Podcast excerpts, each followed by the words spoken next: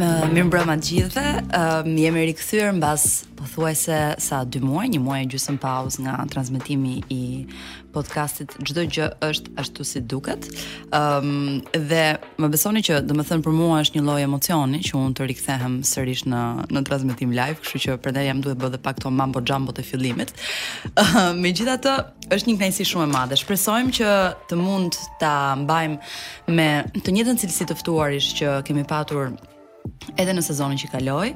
Ëm um, sikurse shpresojmë që sigurisht të trajtojmë tema që janë akoma më të rëndësishme dhe uh, më të qenësishme jo vetëm për ju, po në një farë mënyre edhe për drejtimin në të cilin uh, mendojmë të ecim ose drejtimin për në të cilin ecën shoqëria. Kështu që uh, faleminderit që jeni sintonizuar me ne si fillim.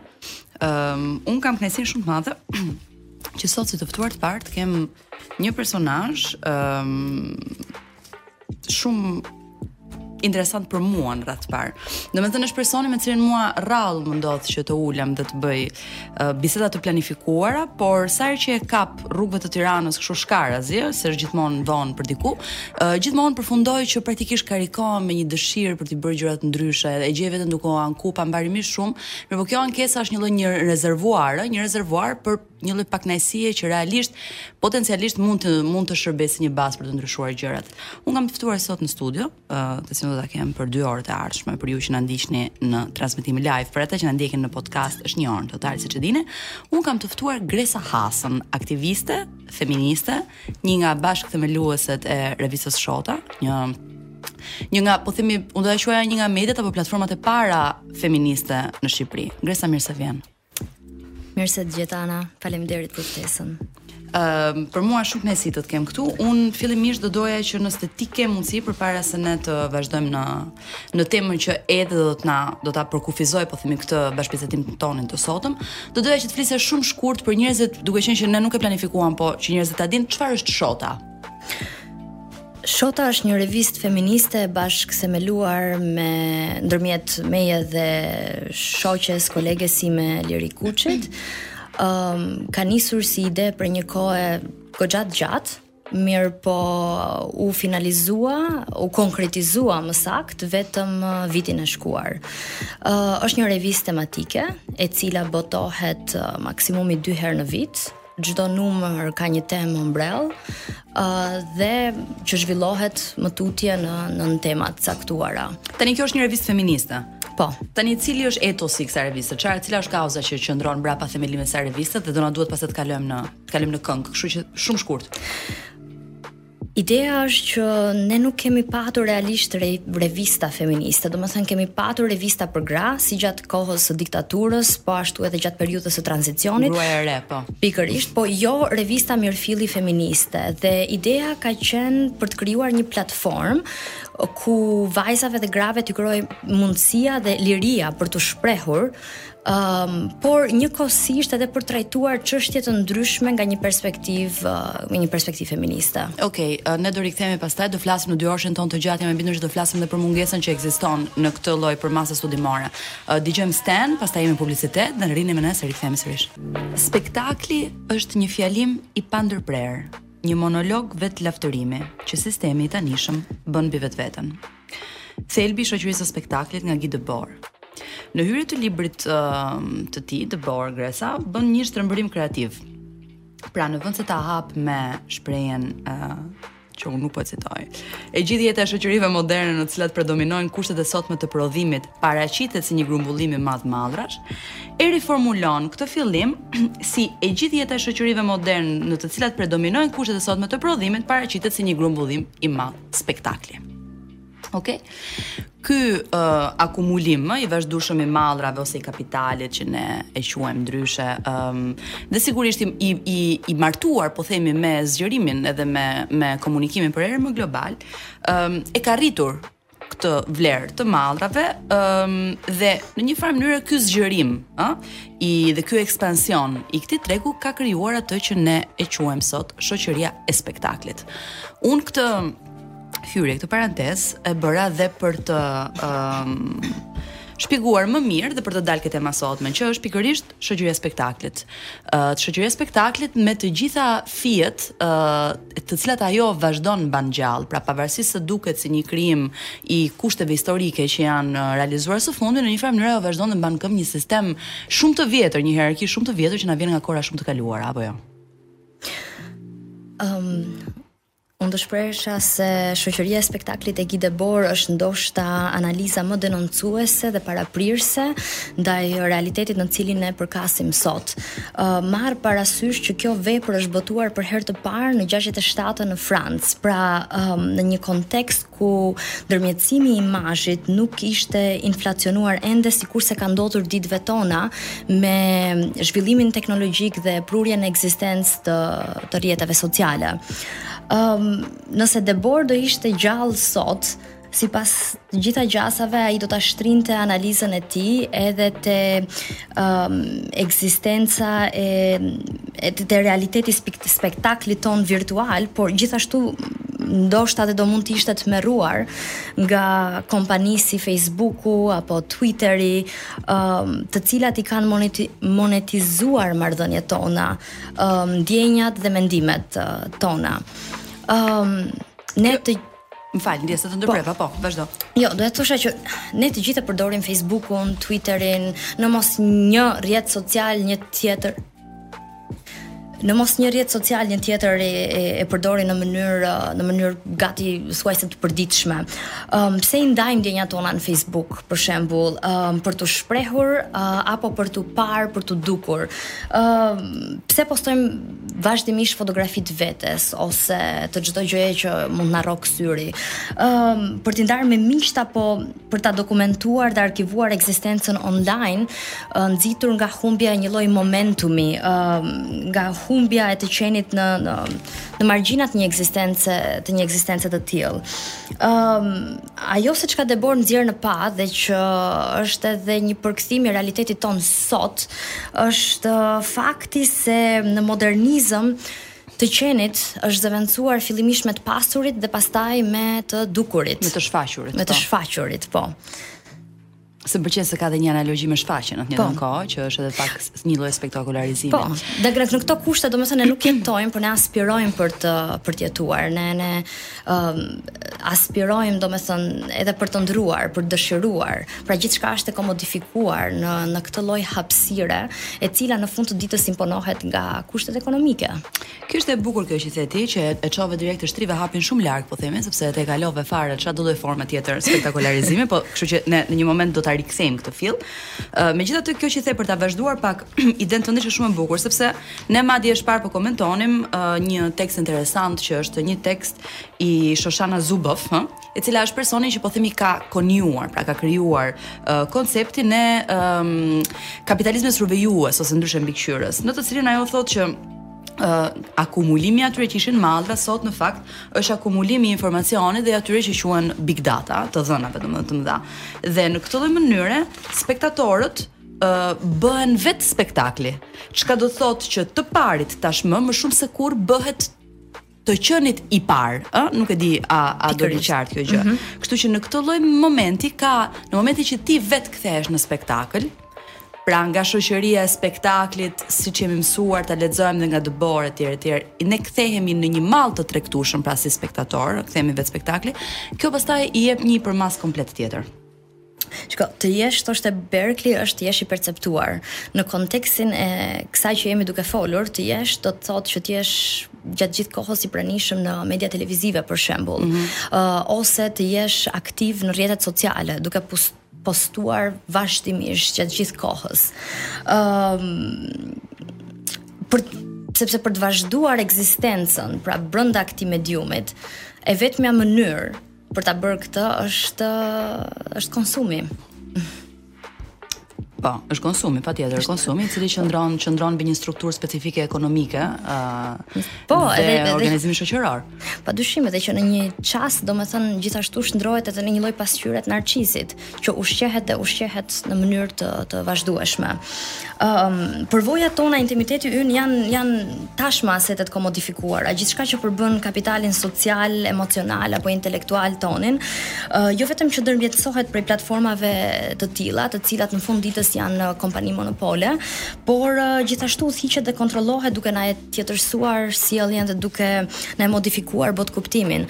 Ëm um, për të marrë një shembull politik, mm -hmm. më mhm. vjen ndërmend, më vjen ndërmend zgjedhjet e vitit 2016 në Amerikë, ku Cambridge Analytica. Po, ku ky lloj modifikimi i sjelljes që përcaktoi pastaj edhe bindjen e një pjese shumë të rëndësishme të votuesve që ishin ato në këto shtetet swing states që mhm. quhet mm -hmm. që quhen që konsiderohen ndryshe, uh, u bë në mënyrë në mënyrë krejt profesioniste me një target group të synuar, të mirë përcaktuar nga mosha, gjeografia, ë uh, mënyra e votuarit më përpara dhe materiali Domethënë, uh, gjithë informacioni përmbajtësor që iu ofrua përmes këtyre rrjeteve sociale, uh, qoftë nga përmes grafikës, qoftë përmes uh, postimeve, teksteve, videove të ndryshme, arriti që të përcaktonte për herë të parë rezultatin zgjedhor në një vend uh, si Shtetet e Bashkuara të Amerikës. Kjo është është shumë interesante. Unë jam Ana Shkreli, jemi në çdo gjë ashtu si duket dhe sonte kam të ftuar Gresa Hasën. Ky është një um, informacion që unë e jap herë herë sepse mendoj që mbase një pjesë e juaja mund të jetë duke u sintonizuar tani në radio të makinave të tyre ose kudo që po na dëgjojnë.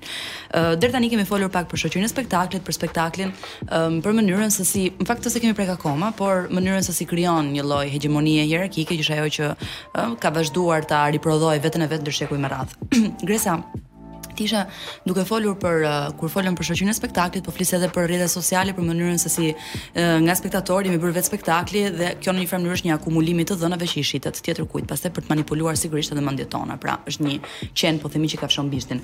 Ëm um, dhe po flisje për pushtetin. sepse ky është një pushtet. Në thelb mbledhja e informacionit është një pushtet dhe kur përdoret nga ë uh, politikanë specifikë, sigurisht ushtrohet dhe një pushtet tjetër që pastaj është ai pushteti zgjedhor, që pastaj është pushteti qeverisës e me radhë. Ëm um, gjërat janë të ndërlidhura njëra me tjetrën. Gjërat patjetër janë të ndërlidhura. Çështja është që sipas Dëborit, po dhe në përgjithësi, kjo ë um, spe, shoqëria e spektaklit është vetëm një sektor, ë, i shoqërisë, i ndarë nga të tjerët. Ëm um, dhe është Në një farë mënyre bëhet instrumenti përmes të cilës njëra pjesë e kësaj shoqërie dominon gjithçka. Që do të thotë bëhet instrument i pushtetit, që do të thotë në këtë moment nëpërmjet spektaklit, edhe atij më të thjeshtit fare televiziv që ju ndiqni në shtëpitë tuaja, në një farë mënyre është pushteti i cili flet dhe i flet vetvetes, sepse pushteti nuk hyn në dialog. Ëm ehm, um Kujt i rezervohet hapësira mediatike në fund të ditës? Domethënë, kush e ka fjalën për t'u shprehur lidhur me fenomene të ndryshme, lidhur me çështje nga më të ndryshme. Të krijohet përshtypja sikur uh, uh, vazhdimisht në media ftohen uh, ekspertë të fushave të ndryshme, uh, apo fundja edhe personazhe të cilët ideologjikisht, politikisht ose në opinione janë antagonizëm njëri me tjetrin. Ë uh, mirëpo ky lloj antagonizmi nuk është uh, nuk është i vërtetë. Është një antagonizëm i mirësistemuar. Um, kjo um, është një koncept shumë i bukur që do doja që të ndalonim pak këtu. Po, pra kjo uh, lloj, një lloj uh, po, antagonizmi një lloj opozitarizmi në thelb i ngritur po, për qëllime specifike, po. Të cilat janë? Është një lloj, domethënë është kjo se çka ofrohet, është prap mbetemi tek fusha e spektaklit, nuk mund të mos flasim për spektaklin. Ëm, mm -hmm. um, sepse ky lloj spektakli është thjesht një instrument i radhës um, kapitalist, qëllimi i cilit është shpërqendrimi dhe pacifikimi i publikut uh, në këtë rast. Është një lloj panem et circens e kohëve mhm. moderne, mhm. ë uh, që gjendet në shumëllojshmëri, në shumëllojshmëri uh, formatesh. Ëm um, do duhet kuptuar që ky kontekst, ky realitet nënkupton fitim, nënkupton fitim ekonomik për oligarkinë mediatike në fund ditës. I gjithë ai minutazh ku koha kalohet uh, në një inflacion emocional, uh, teksa audienca shikon zënka banale, shikon të ashtuquajturat sherre, ose shikon informacione që janë fast food, mm -hmm. uh, informacione të tipit fast food, domethënë. Uh, gjithë ky lloj minutazhi përkthehet në fitim në fund të ditës ë uh, dhe uh, në para sa më shumë spektakël aq më shumë para në xhepin e oligarkisë uh, mediatike s'po bëj përsëritje.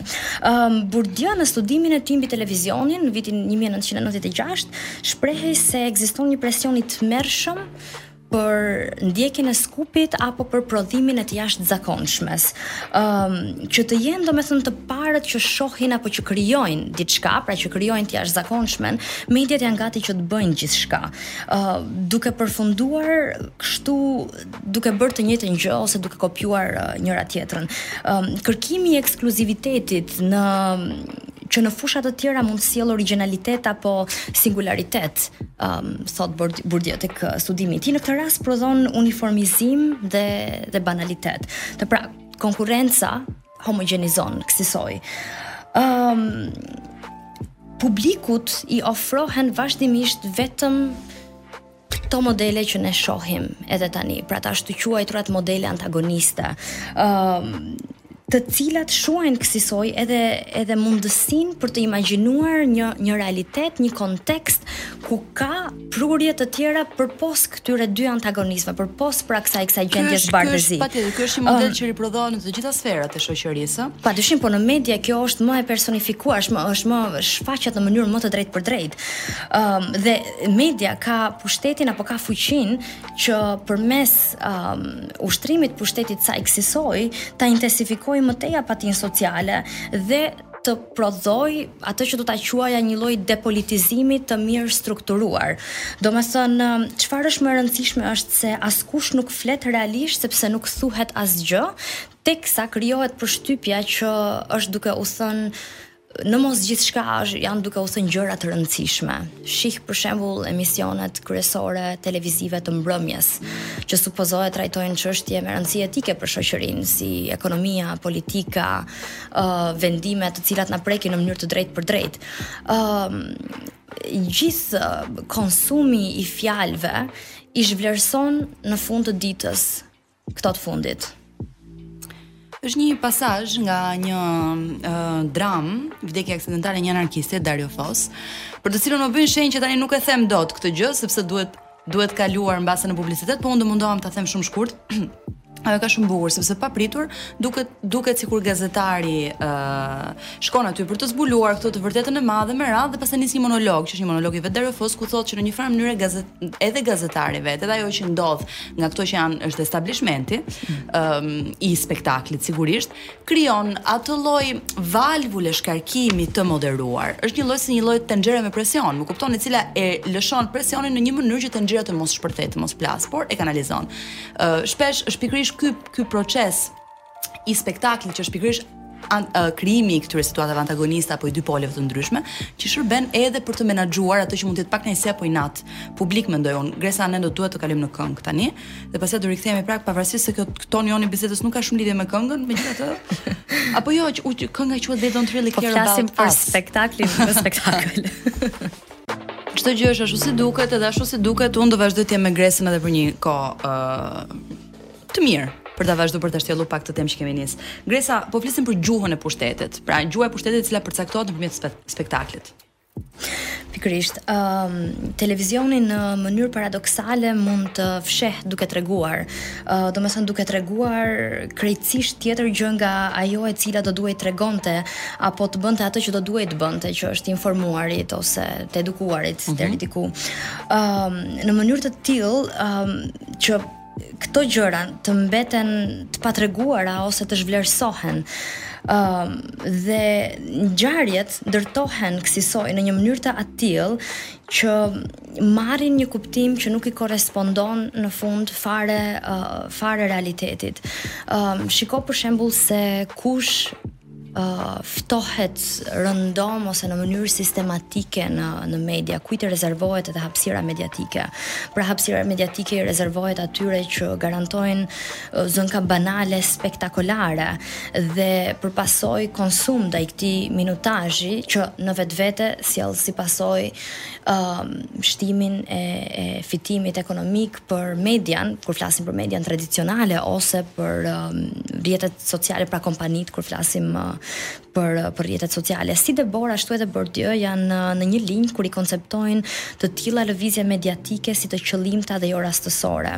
Uh, Pikërisht këtë lloj spektakli Debord nga ana e tij e konsideron spektakël të të përqendruar, të të, të mirëorganizuar.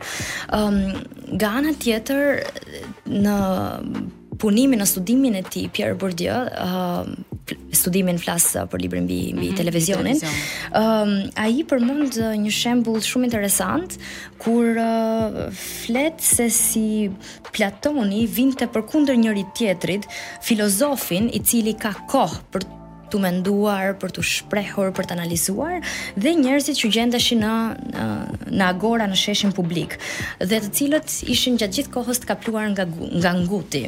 Ëm um, ai thotë se pak a shumë në ngut e sipër është e pamundur që të mendohet dhe për pasojë ajo se çka rezulton nga nga diskutimet e kryera me këtë lloj shpejtësie, me këtë lloj ngutjeje, është është është asgjë, pra nuk prodhohet realisht asnjë gjë. Um, unë do doja ta lidhja pak këtë shembull me censurën mediat mediatike, uh, e cila ndodh uh, kur në hapësirën e medias tradicionale për shembull, çdo uh, temë që supozohet që të shtjellohet në detaje dhe të bëhet e kuptueshme për publikun dhe që ky i fundit të informohet lidhur me të, nuk ia del asnjëherë uh, që ta materializojë qëllimin e saj ose ky nuk është qëllimi i saj i, i parë, po është do duhej të ishte qëllimi i medias në vetvete, pra pra informimi. Ëm um, dhe nuk e bën këtë për shkak se jo vetëm që nuk ka kohë, por uh, Ekziston ky lloj ekonomizimi i kohës që supozohet t'i kontribuojë vetëm monopolit, monopolit mediatik në këtë rast ose pushtetit të gjuhës. Pra, um, krijohet ideja vazhdimisht që janë duke u thënë gjëra, që janë duke u analizuar uh, çështje dhe as nuk analizohet dhe as nuk thuhet uh, absolutisht asgjë. Dhe në ngut gjithçka ndodh në ngutje e sipër dhe kjo ngutje rezulton realisht në në në censurim të bisedës sepse biseda nuk prodhon shkëmbim, nuk prodhon kritikë ndër të tjera dhe nuk prodhon as informacion.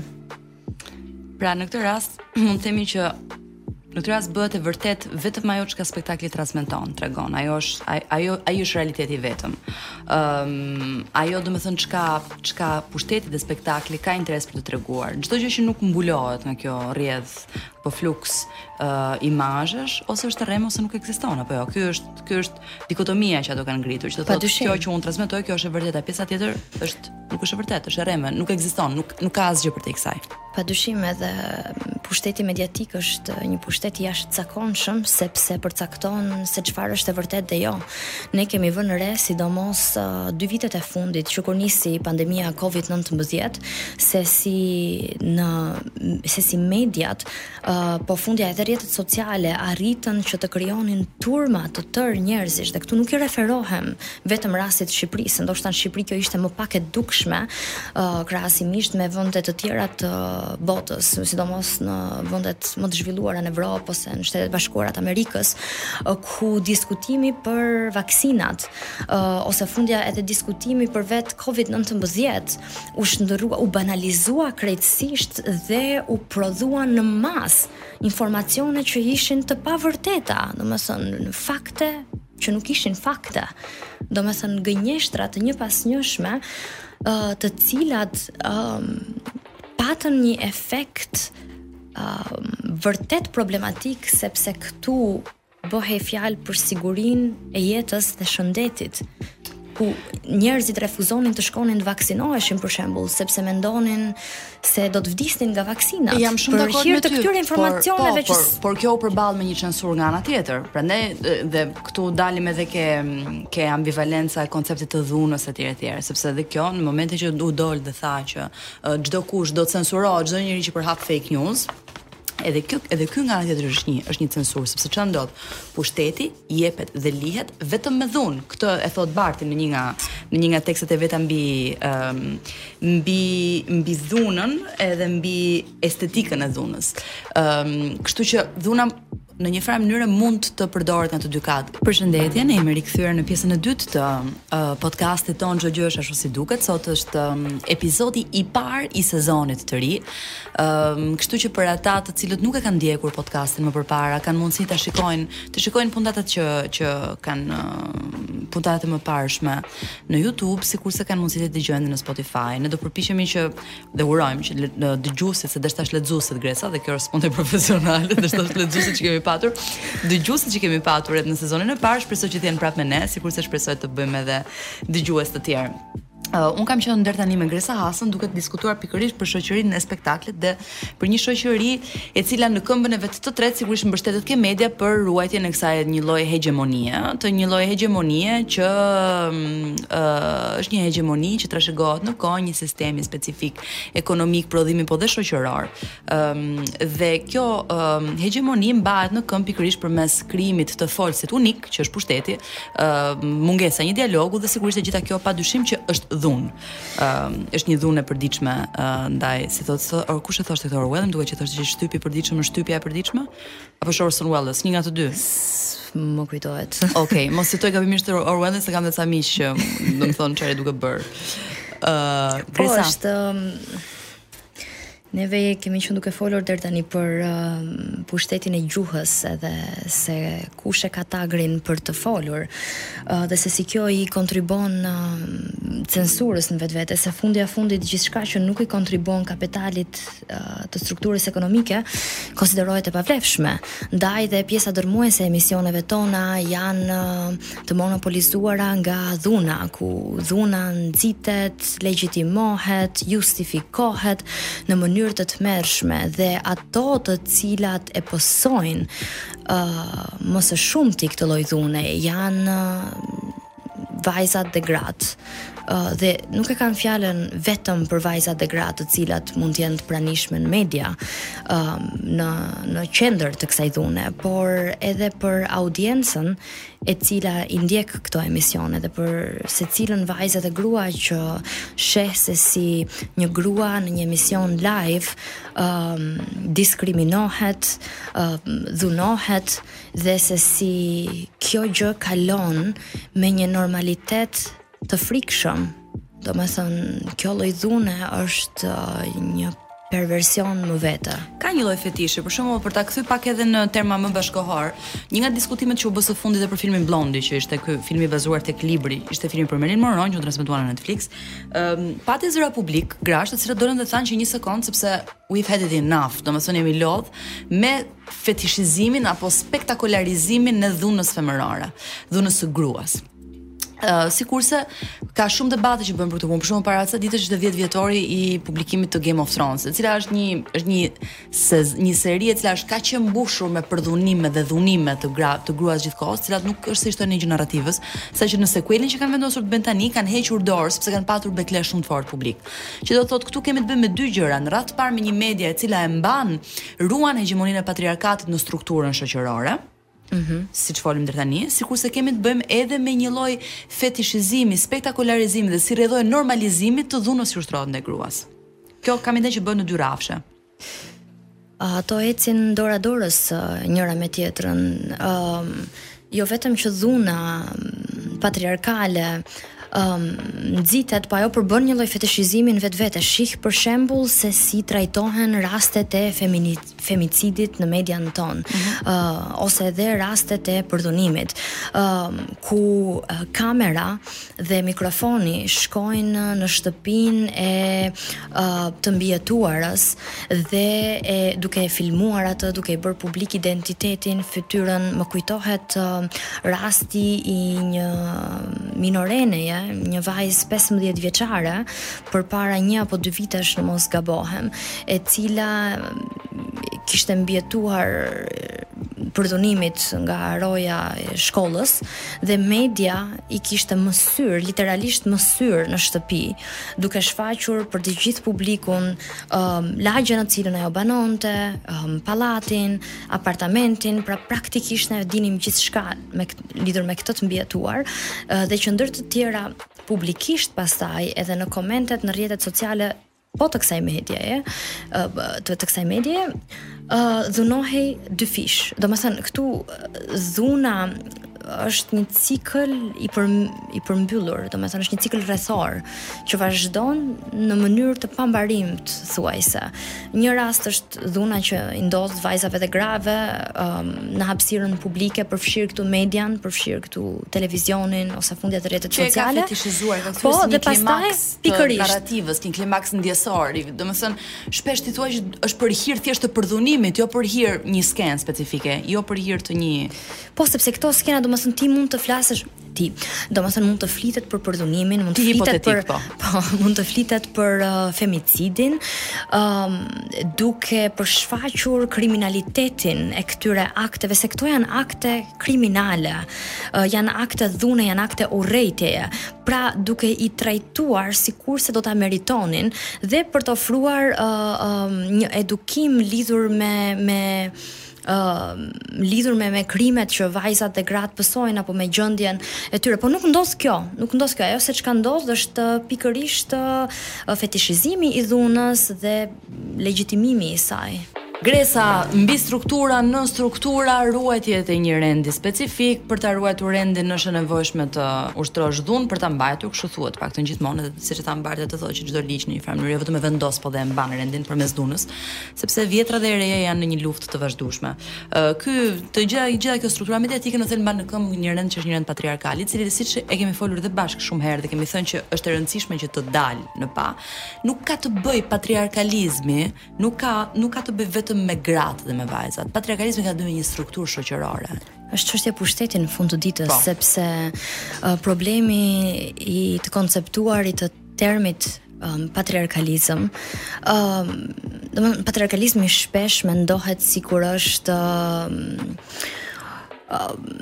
ka të bëjë vetëm me dhunën e burrave apo ka të bëjë vetëm me um, luftën imagjinare, domethënë një, një luftë më imagjinohet një luftë e grave kundër burrave. Nuk është kjo, patriarkalizmi ka të bëjë me pushtetin dhe me dhunën e pushtetit dhe me faktin që um, ai prek si gratë ashtu edhe burrat, pa çka se i prek gratë në mënyrë më specifike. Po dhe burrat i prek për aq kohë sa nuk është Ky burri i bardhë, strejt, që ka dominuar në një farë mënyre historinë, pjesa tjetër... Pa dyshim, të gjithë ata që i koncepton uh, më të dobët dhe që nuk uh, janë në një linjë me imagjinaren patriarkale ndaj spektaklin. Asaj ah, spektaklin patriarkal këtu ndaj asaj se si burri supozohet që të jetë. pra një burrë i fortë i bardhë, i pushtetshëm, sikurse ti e përmende, pra një burrë që nuk është gay. Kam shor.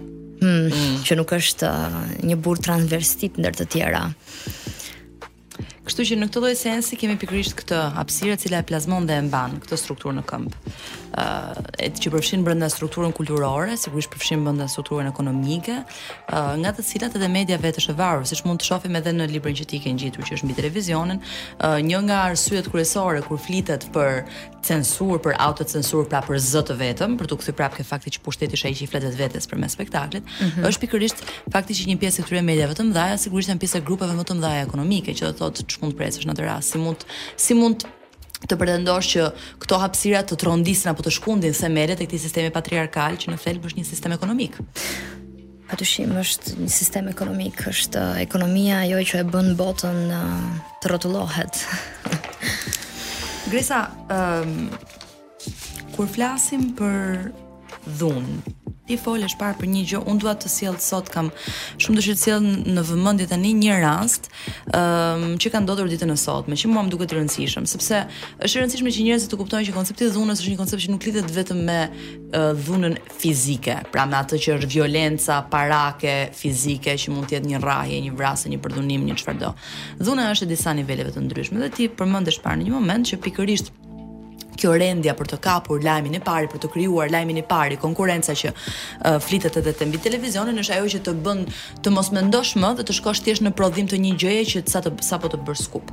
Uh, ti më tregove jashtë një lajm që kishte dal uh, në lidhje me um, um, deklaratën që i është i është vjedhur, i është marrë sot uh, shkrimtarit Ismail Kadare në lidhje me çështjen e Nobelit. A mund të ma lexosh pak prapë?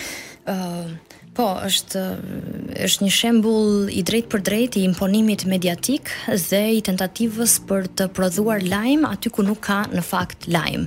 Dhe duk media në këtë rast rezulton duke bullizuar persona konkretë pavarësisht nëse këta janë të famshëm apo jo. Në këtë rast qëllon që të jetë shkrimtari Ismail Kadare sepse sot u bë ndarja e çmimit Nobel në letërsi, po në raste të tjera janë aktivistë politikë, janë qytetarë të angazhuar të cilët ftohen në media, janë artistë, janë pra është një është një rang i gjerë personash të cilëve u qëllon që të kalojnë nëpër uh, hapësirën e mediave tona. Nëpër këtë hulli, uh, po. Nëpër këtë hulli, pa dyshim, po. Uh, mua më bëri përshtypje sepse unë pashë klipin uh, gjatë edicionit të lajmeve sot. Edhe unë e pashë, ishte i tmerrshëm. Po, ku... Uh, Gazetarja shkon uh, në lokalin ku shkrimtari Kadare ishte duke ndejtur, duke pirë një kafe së bashku me Helenën, Helena Kadaren, dhe um, i imponohet që t'i marrë uh, domosdoshmërisht një qëndrim Lidhur me ndarjen e çmimit Nobel, por nuk ka të bëjë vetëm me ndarjen e çmimit Nobel, sepse gazetarja nuk është se po e pyeste mbi autoren që e përftoi këtë çmim tashmë, por gazetarja donte që të përftonte antagonizmin uh, për të cilën folëm. Pikërisht këtë këtë këtë ndjesinë, domethënë uh, keqardhjen, dëshpërimin, zhgënjimin pra ndoshta të subjektit. Po. Pa dyshim, edhe insistonte për ta pyetur se Cilat janë mendimet e personit për këtë çështje, domethënë si e bën kjo që të ndihet?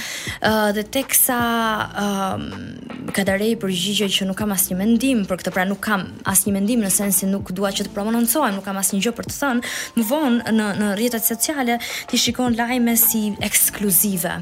Ismail Kadare, nuk kam asnjë mendim, që është edhe e, e Po dhe ky lajmi në vetvete është pak qesharak, do thotë. Është jo thjesht qesharak, është dashakeq, është është po. dashakeq, është një po. tentativë domethënë për të përftuar um, kënaqësi dhe për të krijuar kushtet e kundërvënies ndaj uh, në këtë rast mund të jetë Kadare ose është Kadare domethënë po edhe dikujt tjetër. Në gjermanisht ka një fjalë shumë interesante për uh, këtë situatë, Schadenfreude. që do të thotë të përftosh kënaqësi nga trishtimi i tjetrit ose fatkeqësia e tjetrit. Ëm um, Dhe ky është rasti, um, ky është vetëm një rast që neve po e përmend, po, po e përmendim. Ëm um, i lidhet gjithashtu edhe me mungesën e profesionalizmit mediatik, po mungesën edhe të etikës mediatike, me etikës profesionale. Edhe pastaj nëse i futemi diskutimit për etikën, profesionale në media, dalim në një rrafsh gjërash që bëhet akoma edhe më i tmerrshëm. Tek fakti për shembull uh, se si trajtohen vajzat dhe gratë në studio televizive, mm -hmm. ku fjalët më diskriminuese, më mizogjine i thuhen në, në transmetim të drejtpërdrejtë. Ë uh, ose e pamë këtë rast jo shumë larg me rastin e Zhaklin Lekatarit. Uh, po, ishte ishte vetëm tani së fundmi, vetëm po. disa ditë apo një javë më parë, po. Ky është një rast që bëri bujë, po, sepse ishte më i fundmi, prandaj e përmenda jo. Se po, sepse ishte i fundit që bëri bujë, mm -hmm. po mhm. në fakt, nëse nëse uh, bëhet një studim, nëse i shikon me vëmendje të gjitha emisionet, nga mëngjesi deri në darkë, do vësh re në përqindjen më madhore të tyre, dhunë të të strukturuar dhe të nxitur ndër të mhm. tjera. Për të ruajtur plazmimin e pikërisht këtyre këtyre modeleve të grave që i përgjigjen patriarkatit, pra strukturës për të cilën po flisnim.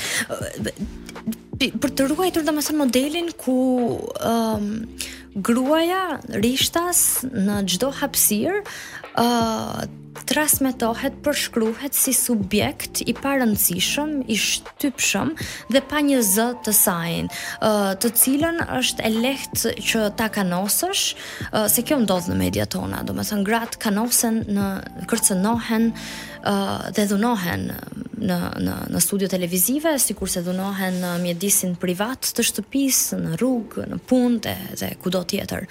Domethënë, kjo i kontribuon thjesht ruajtjes së status quo-s aktuale, ku pushteti patriarkal është në një simbiozë me pushtetin ekonomik, që në fund përcakton edhe mm, hegjemoninë mediatike meqë kjo është fjala që ne e përdorim. Po, hegjemoninë, hegjemoninë patriarkale në media, që po. sigurisht është një hegjemoni kulturore ajo që shkon duke duke riprodhuar ë um, modelet e veta. ë uh, Prandaj doja të ndaloja ke dhuna, që do i rikthehemi sërish për të thënë që dhuna nuk është vetëm dhunë fizike. Dhuna është që në momentin që ti fillon dhe plazmohesh, identiteti jot fillon dhe gjymtohet, pra sakatohesh për t'iu përmbajtur një kallëpi. Ë, po, libri për cilin po flisja më parë që nuk e citova saktë, ishte libri, në fakt nuk është nuk është Rol, nuk është Barti, Barti flet për estetikën e dhunës. Ëm, është Walter Benjamin, i cili në në atë që është kritika e dhunës, ëm flet pikërisht për um, dopio, ë fasadën e dhunës që është ajo për ta vendosur dhe për ta ruajtur këtë dhërein në flow, pra um, regjimin si është për momentin, por që sigurisht kërkon edhe një dhunë nga ana tjetër për ta për ta për ta rrëzuar. ë Dhe këtu uh, Gresa ne po flisnim për lloje të ndryshme të dhunës që perpetuohen dhe që vazhdojnë mbahen në këmb nga uh, e gjithë shoqëria e spektaklit, një pjesë e së cilës sigurisht është edhe televizioni, është një pjesë e vogël, sepse ajo përbëhet, siç thamë, nga shumë komponentë. Po, ne po i referohemi medias me që tema është për median mm -hmm. dhe mhm. specifikisht mhm. televizionin, mm -hmm. pa çka se përmendëm paksa edhe rrjetet sociale më herët, duke në tentativë duke dhënë edhe një një një shpjegim uh, paksa më teorik, mm -hmm. por uh, është interesante të vërehet se si përçohet dhuna në media dhe se çfarë krijon edhe perceptimin mbi mbi dhunën. Më herët po përmendje se dhuna nuk është thjesht uh, dhuna, nuk është thjesht ajo fizike, vrasja, përdhunimi, um, po dhuna ka disa nënshtresëzime. Është dhunë për shembull intimidimi që ndodh në media. Është dhunë situata në të cilat vendosen vajzat edhe gratë, ku për shembull ftohen në atë që përngjan më shumë një xhungle me me me me sjellje krejtësisht instinktive dhe kanosëse. Po dhe është shumë interesante që sa herë që ftohen sidomos për gjëra që kanë të bëjnë e zëmë me temat e uh, patriarkatit etj etj. uh, është interesante që gjithmonë po ta shikosh ftohen figura shumë polarizuese. Pra ftohet një grua për shembull, ftohet dhe një prift ose ftohet një hoxhë ose ftohet një dëm, për të krijuar sërish këtë uh, po themi arenën ë e diskutimit që shërben thjesht si valvul shkarkimi sepse në momentin që ti krijon kondita ë kondita diskutimi dhe kondita sherri, është e pamundur të elaborohen ato lloj idesh të cilat do ta informonin apo do t'i mbanin mendjen hapur një audience, një publiku që është duke dëgjuar. Se kjo bëhet e gjitha në për hir të lirisë së fjalës edhe opinionit ndryshe, po ajo se çka nuk kuptohet është se nuk mund të ketë një opinion ndryshe aty ku fillon cënimi, aty ku fillon cënimi i lirive dhe të drejtave të tjetrit. Për shembull, ëm Pra ti do të thuash jo çdo opinion është i vlefshëm. Jo çdo opinion që shitet si opinion është opinion. Okay. Um, për shembull, um, është më vjen ndër mend tani uh, një emision i pasdites në Top Channel dedikuar uh, dedikuar uh, paradës LGBT në Shqipëri në maj të këtij viti ku Qartazi, ë uh, në studio ishte monopolizuar nga nga zëra dhe personazhe homofobë, të cilët uh, jo vetëm po shpalosnin homofobinë e tyre dhe po ofronin ë uh, informacione të rreme, por njëkohësisht ishin duke shpalosur dhunë të drejtpërdrejtë ndaj të gjithë personave LGBT në vend. Dhe kjo gjë nuk bënte përshtypje në asnjë moment të kohës gjatë gjithë minutazhit. Domethënë, këta persona kishin lirinë dhe hapësirën um, për të nxitur urrejtje, um, për të nxitur situata dhune, dhe ndërkohë aktivistë të lëvizjes LGBT apo organizatorë të Pride-it nuk kishin um, hapësirën e sigurt pikësëpari, po dhe mundësinë për t'u shprehur lidhur me me me Pride-in, fundja fundit edhe për të ofruar një informacion se çfarë është Pride-i, uh, çfarë do të thotë kjo protestë, Këtu pra, nuk kishte, nuk pati një debat. Pra krijohet një lloj diskutimi, është e vërtetë. Ëm, um, mirëpo, ajo që është interesante është gjithashtu që edhe varet çik edhe nga hapësirat specifike. Për shembull, kanë edhe në të njëjtat grupe mediatike mund të ketë edhe dhe ka në fakt emisione të cilat në një farë mënyre kanë shërbyer për të çuar përpara edhe informime sa i takon çështjeve të LGBT dhe në këtë moment kam idenë dhe kjo është një ndarje shumë interesante. Kam idenë që qoftë se deri tani kemi folur për grupe të strukturuara mediatike të cilat e mbajnë këtë lloj strukture në këmbë, um, shpesh ka të, ka të bëjë dhe me individët vetë, edhe me njerëzit që përzgjidhen, në mënyrat që shërbejnë për të kontribuuar në gjithë këtë Po, është në gjithë mbajtjen e kësaj strukture. Po, për t'u rikthyer tek kjo ideja domethënë e opinioneve ndryshe, sepse ky është justifikimi që përdoret për këtë lloj dhune, që shiko ti mund të kesh um, filan ide, po um, personazhi tjetër ka një ide tjetër të kundërt me tënden.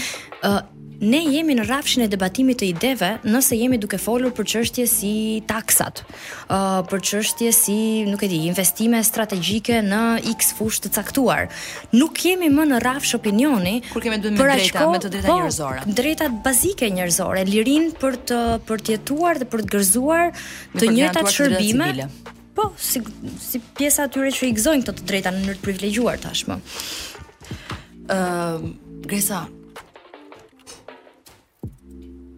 Ti vetë.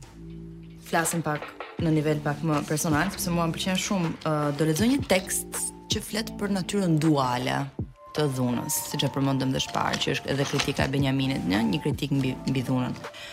Ë, uh, i cili bazohet tek fakti që ka një dhunë të brendshme në kontradiktën mes së shkuarës e së tashmes mes civilizimit dhe barbarisë në thonjza dhe është brenda në në në shoqërinë njerëzore. Ndaç um, përdor termat e uh, Badiousë, i cili e konsideron pasioni për realen, ndaç mund të marrësh termat e Freudit që e konsideron pjesë të psikës njerëzore, ndaç mund të marrësh dhe mendimtarë politikë të ndryshëm që e shohin në rrafshin e luftës së klasave etj etj. Tani çfarë ndodh? Ti vetë si aktiviste, Ke shumë kohë që je aktiviste në shoqëri dhe kjo është një nga kjo ka qenë një nga portat e para përmes së cilave dhe unë ty të kam njohur. Ë uh, dhe jam shumë mirënjohëse për aktivizmin që ti bën dhe ke bërë. Mirëpo në thelb nga shumë njerëz mund të konsiderohet, në fakt konsiderohet, ë, nga njerëz konsiderohen gjeste specifike, konsiderohen akte dhune, të cilat siç thamë nuk është dhunë fizike, por është një formë tjetër e kësaj dhune. Ëm, um, çfarë mendon ti në momentin që e kthejmë këtë? Është këtë omlet. Mhm. Mm është shumë interesante të vërehet monopolizimi i dhunës, sepse ata që shkaktojnë dhunë mirëfilli gëzojnë gjithashtu edhe pushtetin për të përcaktuar se çfarë është apo jo dhunë. Po. Për shembull, um, një protestë paqësore ku um, të dalurit përpara një institucioni me pankarta dhe duke bërë thirrje um, për kërkimin e disa të drejtave apo për ndryshimin e një ligji për shembull, po. Ëm um, apo për zbatimin e atij ligji, shpesh apo për zbatimin e, e atij ligji. Zbat, zbatohet në minimum ose nën minimum, e? Padyshim. Po flas domethënë protesta për cilado qofshin arsyet e mhm. protestës. Dhe flas këtu për protesta paqësore. Protestat në Shqipëri kanë qenë të gjitha protesta paqësore.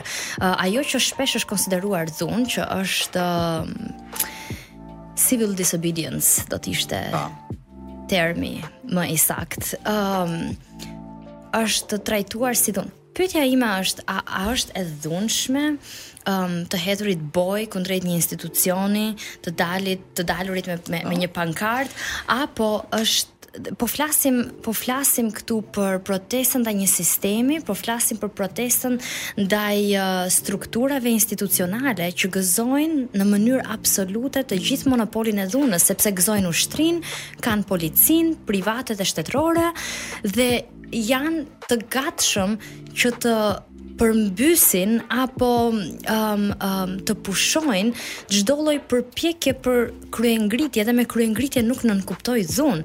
Nënkupton reagimin, reaksionin. Thjesht reaksion reagim, për shembull protestat studentore në fund të 2018-s ishin masive, ishin organike, ishin të zëshme, por uh, nuk ishin të dhunshme. Protestat për um, protestat kundër femicidit kanë qenë uh, sidomos në dy vitet e fundit protestat uh, masive flas.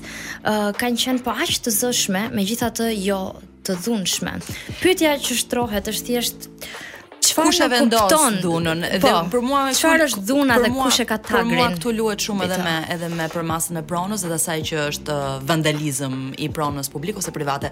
Mu po më vjen më shenja që do ta mbytëm do rikthehemi po. pas pak mbasi të dëgjojmë këngën The Show Must Go On, ë? Po. Kemi hyrë në këtë uh, pasazh në këtë pjesë të fundit, në këtë transh të fundit të emisionit që kemi mbajtur me Gresën, uh, me Gresa Hasën në lidhje me vu, bëmë kaq shumë kalime, Po të cilat në thelb të gjitha ato janë është mënyra se si shndërrohet ë një një rend dhe një strukturë ekzistuese, se si shndërrohet për ta mbajtur veten vazhdimisht në kohë edhe për të për të qenë po themi përherë alternativa dominante duke folur vetëm vetë.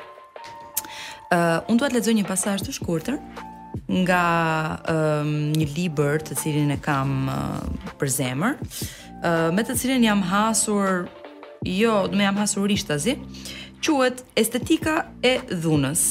Uh, dhe është nga Selnes dhe Oldik. Uh, unë do ju lexoj një pasazh për ta lidhur dhe me atë që quhet dyfytyrësia e dhunës edhe um, civil disobedience për cilën uh, Gresa foli kur folëm për kush janë ata që përcaktojnë çfarë është dhunë. Vetë natyra përherë e ndryshme e dhunës, gjithnjë e aftë për t'u shndërruar në forma të reja dhe për të hyrë në lidhje nga më të ndryshmet, e bën atë vështirësisht të përcaktueshme. Ekziston dhuna dhe kundërdhuna, krimi dhe ndëshkimi, themeli i ligjit dhe zbatimi i tij. Sikur dhuna të ishte një forcë vetëprodhuese dhe gati-gati vetëpërjetësuese. Ndoshta kjo është arsyeja se pse dhuna është kaq e vështirë për t'u hequr qafe. E ngjashme me realen e Lakanit, ajo shfaqet ku dhe kur më pak e presim. Si një lloj disfunksioni konstituiv, pjesa negative e një akti themelor, teprimet e të cilit nuk mund të ndalohen. Kështu, dhuna rezulton të jetë praktikisht e pamundur të fiksohet në vetvete. Megjithatë ajo nuk pushon kurrë së shfaquri në mënyra të dallueshme dhe të panjohura, si dhe jashtëzakonisht të pakapshme dhe të padallueshme. Në këtë kuptim pra, ekzistojnë vetëm forma të dhunës ose forma të dhunshme, pa asnjë përjashtim neutral. Kjo është arsyeja se pse lufta ideologjike për klasifikimin dhe përkufizimin e këtyre paraqitjeve dhe zhdukjeve të saj është një pjesë kaq thelbësore e estetikës së dhunës. Disa dekada më parë, Roland Barthes propozoi një dallim thelbësor midis dhunës dhe të dhunshmes, domethënë midis cilësisë thelbësore të emrit dhe atributit të sinjalizuar nga mbiemri. Në rastin e fundit kemi të bëjmë edhe me gjendje, forma të sjelljes apo zgjedhje që mund të jenë të dhunshme në një mënyrë pozitive në thonjza ose më mirë të dhunshme dhe pozitive, si për shembull pasionet krijuese, radikalizma krijuese, buti që shërben për të ndryshuar gjërat. Sot, është më e rëndësishme se kurrë të justifikohen këto forma të dhunës, pasi energjia dhe pasioni krijues, që shkon kundër atij që është dhuna e perpetuar nga establishmenti, veçanërisht kur shndërrohet në agjenci subjektive dhe politike, pothuajse automatikisht etiketohen si fanatizëm dhe shoqërohen me dhunë reaktive, terroriste në status nascendi pikërisht nga institucionet. Ashtu si politika, ashtu si pushteti. Dhuna është në vetvete një fushë beteje, nga e cila qeniet njerëzore duket se nuk janë në gjendje të tërhiqen, pasi aty vendoset dhe e ardhmja e ideve mbi drejtësinë, shoqërinë dhe shoqërinë civile.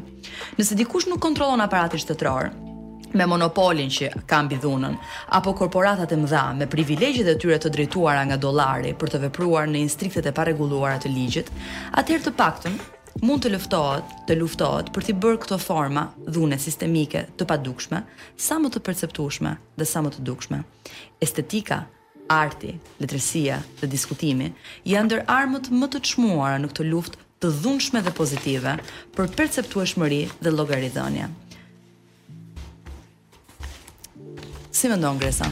Mendon që ia kemi arrit diçka me këtë diskutim sot? Um, unë do të uroja të paktën për ata që na kanë ndjekur dhe që po vazhdojnë ende duke na ndjekur këtyre çasteve. Um, uroj që t'ia kemi dal të nxisim disa pyetje tek tuka. Um, që kanë të bëjnë me besimet tona, me besimet tona për atë se çka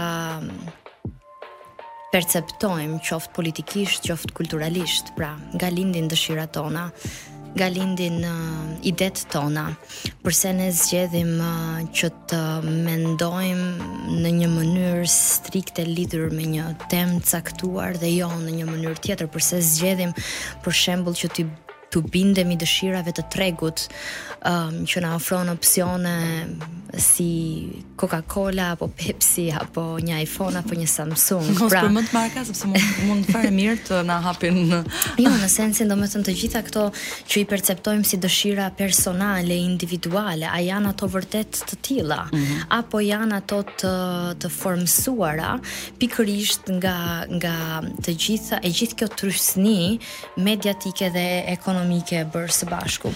Ëm um, Toja Toja ne e nisëm me me shoqërinë e spektaklit të Debor më herët dhe unë doja ta mbyllja sërish me me shoqërinë e spektaklit të mhm. tij. Mm -hmm. Më saktë me kritikën që i mvishet asaj, që është dështimi për të ofruar zgjidhje bindëse për t'ju kundërvënë spektaklit. Ëm, në tezën e fundit të veprës së tij, Debord përcjell nevojën për një farë emancipimi vetjak ndaj spektaklit, por pa u thelluar fort dhe pa qenë njëmend i qartë lidhur me këtë. Ë, unë nuk e di nëse ne mund të ngadhënjejmë në të tilla kushte, pra përmes një emancipimi vetjak, nuk e di se si diçka e tillë do mund të ndodhë, por mendoj që solidariteti me me me njëri-tjetrin, ë uh, të diskutuarit vazhdimisht të ngriturit në pikëpyetje, të bërit e asaj që struktura të tjera shoqërore nuk ja kanë dalë ta bëjnë, sikurse është universiteti apo të tjera hapësira që do të duhej të jepnin udhë mendimit kritik, ë uh, ta bëjmë, të tentojmë ta bëjmë me njëri-tjetrin, pra të të të vëmë në pikëpyetje njëri-tjetrin por fundja fundit edhe edhe veten tonë në disa raste apo Autokritika na ndihmon pavarësisht të gjithë peshës historike që mban mbi supet e saj. Patjetër, edhe ne shpresojmë që këtë që kemi bërë sot ta bëjmë edhe pak më shpesh.